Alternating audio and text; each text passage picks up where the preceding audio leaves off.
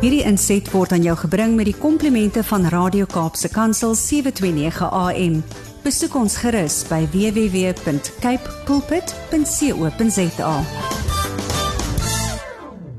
Baie baie welkom by nog 'n insetsel van Leefse Geestesgesondheidsprogram. My naam is Gerda Kriel, kliniese sielkundige van Somerset Wes. En hierdie maand van Junie kuier ons saam rondom die tema van substansverslawing. Nou ons het heel eers 'n bietjie gekyk net na wat substansverslawing is, wat die definisie is en hoe dit lyk. En toe het ons verlede week gekyk na die verskillende oorsake van substansverslawing. En ek het julle beloof, ons gaan hierdie reeks afsluit met 'n gesprek oor die behandeling van substansverslawing.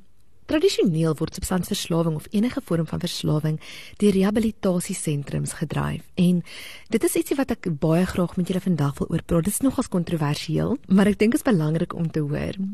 Nou rehabilitasie, wanneer jy besluit om 'n geliefde aan rehabilitasie voor te stel of om 'n geliefde te neem na 'n rehabilitasiesentrum toe, is die heel eerste beginsel baie belangrik. Jy kan hulle nie forceer nie. Nou weet ek ongelukkig daar is sekere rehabilitasiesentrums wat 'n geforseerde rehabilitasie doen. Familielede kan hulle geliefdes daar gaan aflaai en die tipe styl wat daar gedoen word, fokus baie op isolasie, fokus baie op baie militaristiese styl van rehabilitasie. En dit is ietsie wat wat in die sielkunde en die en die psigiatriese kringe eintlik geweldig baie kritiek ontlok. Die rede daarvoor is is dat meeste mense wat daar ontslaan word, baie vinnig weer 'n relapse het van die onderliggende oorsake is nie aangespreek nie. Nou onthou ons het gepraat verlede week oor die oorsake en ek wil julle gou-gou net weer daaraan herinner. Eerstens is daar 'n geestesgesondheidsprobleem wat wat iemand self medikeer, daar is trauma wat iemand deurgegaan het of daar is 'n reeds bestaande sosiale isolasie wat plaasvind. Nou daardie tipe rehabilitasiesentrums kan soms meer skade as goed doen. En ek het in my praktyk al diegene teëgekom wat deur daardie stelsel beweeg het en baie getraumatiseerd aan die ander kant uitgekom het. So ek glo dat hulle harte en intensies goed is, maar die metode is nie noodwendig wat vir mense mees effektief is nie. Een van die groot goeters is soos ek reeds gesê het is dat iemand nie forceer kan word nie want een van die hoekpale van genesing is dat die persoon wat met die probleem sukkel self hulp wil hê. Hulle moet gemotiveerd wees om te verander. Deur 'n proses wat ons noem motiverende onderhoudvoering of motivational interviewing in Engels, kan 'n terapeut agterkom of kan 'n opgeleide psigiater agterkom of iemand gereed is om werklike verandering aan te bring in hulle lewe wanneer dit kom by substansverslawing. Dit het al gebeur dat mense optog by 'n rehabilitasiefasiliteit wat deur psigiaters en sielkundiges bestuur word en nadat hulle deur die motiverende onderhoudingsproses is, eintlik afgekeur word vir die rehabilitasieprogram want hulle besef in die proses daar dat hulle motivering ekstern is of dat hulle eintlik glad nie gemotiveerd is nie. Hulle is net hier want hulle familie sê hulle moet hier wees. Hulle is voor 'n ultimatum gestel.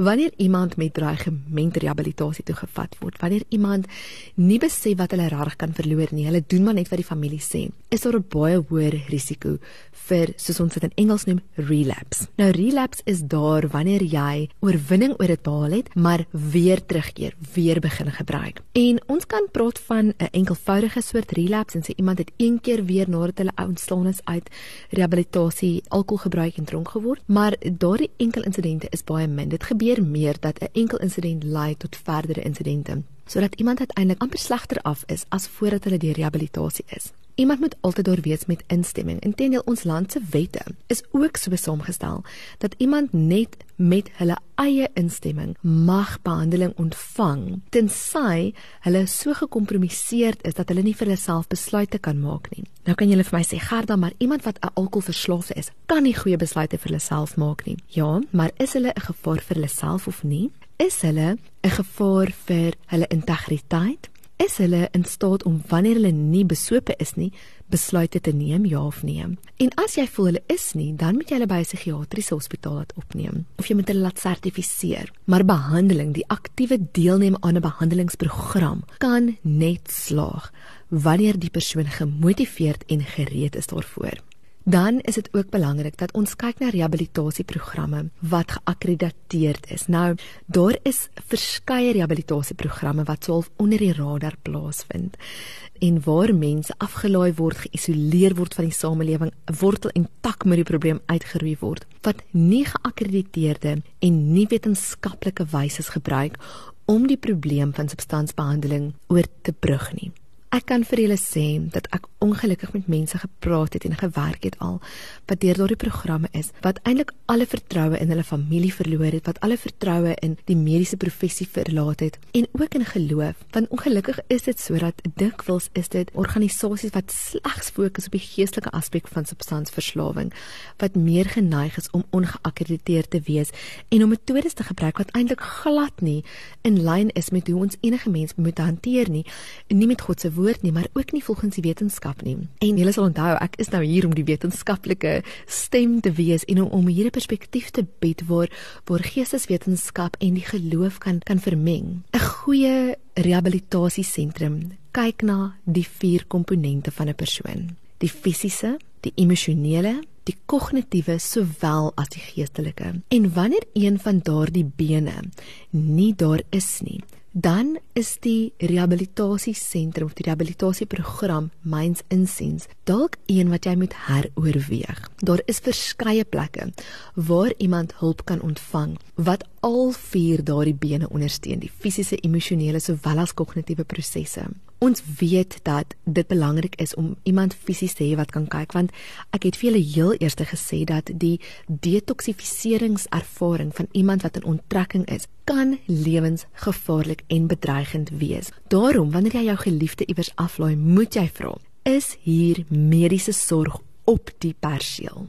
Die rede daarvoor is dat die liggaam in skok kan gaan wanneer hulle van 'n substans onttrek. En dis nie net jou straatdwelms nie, dit is ook en veral alkoholonttrekking. Alkoholonttrekking kan lewensgevaarlik wees veral as die persoon 'n baie swaar verslaafde is. Met ander woorde, hulle het vir baie jare teen 'n baie hoë volume alkohol daagliks ingeneem. So fisiologies, fisies moet daar versorging plaasvind vir daardie persoon.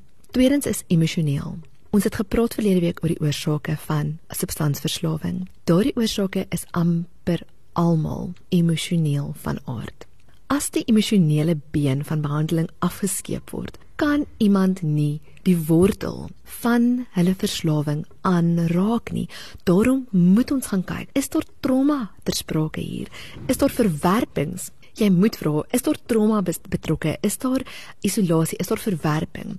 En dan moet jy met terapie, groepsterapie sowel as individuele terapie, daardie persoon ondersteun om emosioneel gesond te kan word. Kognitief Is daar 'n been wat fokus op die kognitiewe rehabilitasie van 'n persoon? Is daar arbeidsterapie? Is daar 'n program wat hierdie persoon kan gaan om hulle gedagtes te help aanspreek? So jy moet fokus op die emosies, maar jy moet ook fokus op die gedagtes. En jy moet seker maak wat die persoon se kognitiewe funksionering is wanneer daar geen substans betrokke is nie, want substansie affekteer ons kognitiewe vermoëns geweldig.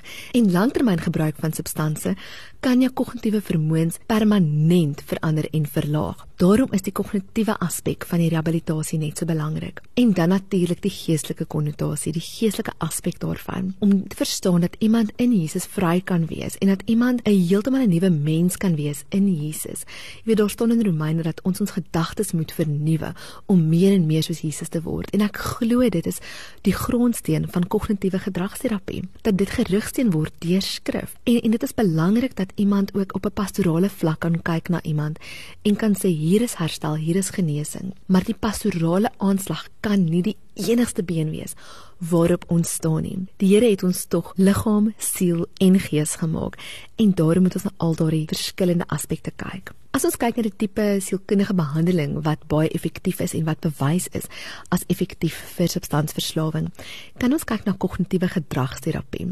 Dit is een van die mees genavorsde behandelings wat jy kan kry en het geweldige sukses wanneer dit kom by die behandeling van substansverslawing. As ons kyk na trauma behandeling, dan kyk ons na die eye movement integration therapy en eye movement and desensitization recursive therapy, brain working recursive therapy en daardie tipe terapie wat spesifiek gefokus is om te werk met trauma. Nou in Engeland se gesondheidsorg is EMDR die nommer 1 voorgeskrewe traumaterapie wat bestaan omdat dit so hoogs effektief is. En dit is behandelinge wat jy sou kon kry as iemand byvoorbeeld sê hulle wil nie na 'n rehabilitasiesentrum toe gaan nie, maar hulle sal 'n sielkundige gaan sien. Kyk vir iemand wat kognitiewe gedragsterapie doen of wat met 'n somatiese terapie werk soos EMDR. Dan is dit ook belangrik dat ons na sosiale intervensies kyk. 'n Persoon wat substansverslawing het, ons weet nou reeds dat sosiale isolasie baie groot deel maak daarvan en daarom is sosiale intervensies so belangrik. Ons kan nie sê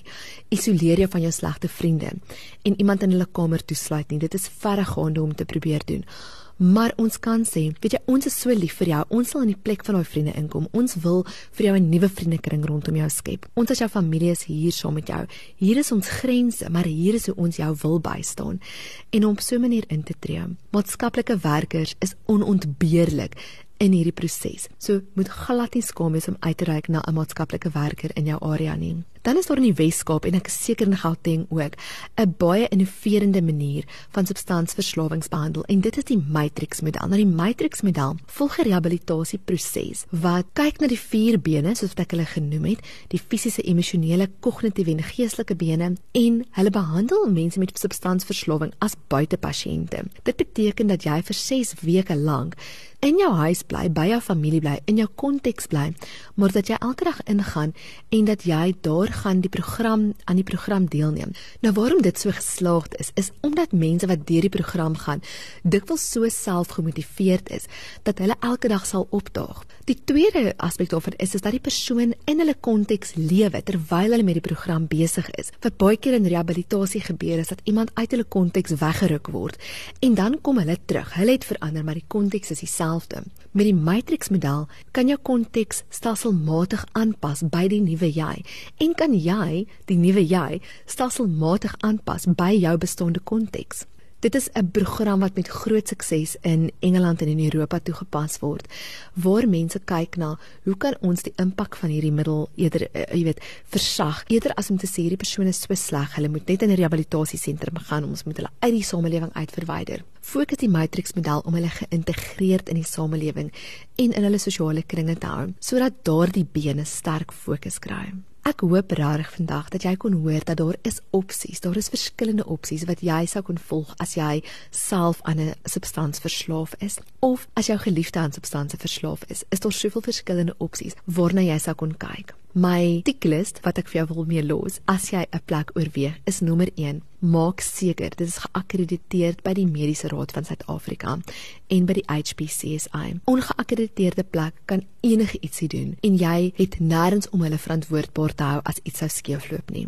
Tweedens, kyk vir 'n plek wat fokus op die vier bene van behandeling: fisies, emosioneel, kognitief en geestelik. En laastens, maak seker dat die intervensies wat hulle gebruik wetenskaplik gefundeerd is, dat dit nie ietsie is wat iemand uitgedink het nie. Wanneer iemand deur hierdie proses is, is dit natuurlik baie belangrik dat daar nasorg opvolg sal gebeur. En dit vind plaas by plekke soos AA en NA. Nou die AA is seker die mees bekende een, Alcoholics Anonymous, soos wat hulle bekend staan of alkoholiste anoniem.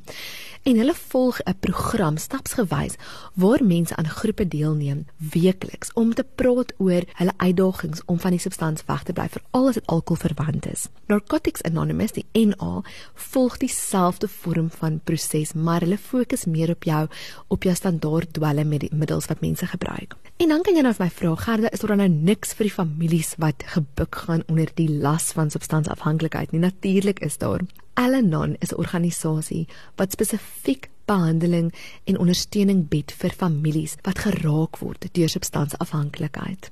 Jy kan op hulle webtuistes gaan kyk, tik in AA of Google sommer net Alcoholics Anonymous of Narcotics Anonymous of Al-Anon is die ander enetjie in jou area. As daar enige groepe is wat bymekaar kom, sal hulle verseker op die webtuiste gelys word en jy kan daar met hulle direk uitreik. Mag jy hoop hê dat die probleme in jou lewe kan verander. Mag jy hoop hê dat die persoon in jou lewe, of dit nou jouself is of 'n geliefde is wat aan 'n substans verslaaf is, weet dat jy nie slawe is van die verslawing nie, maar dat jy kan vrykom daarvan. Mag julle 'n geseënde week hê.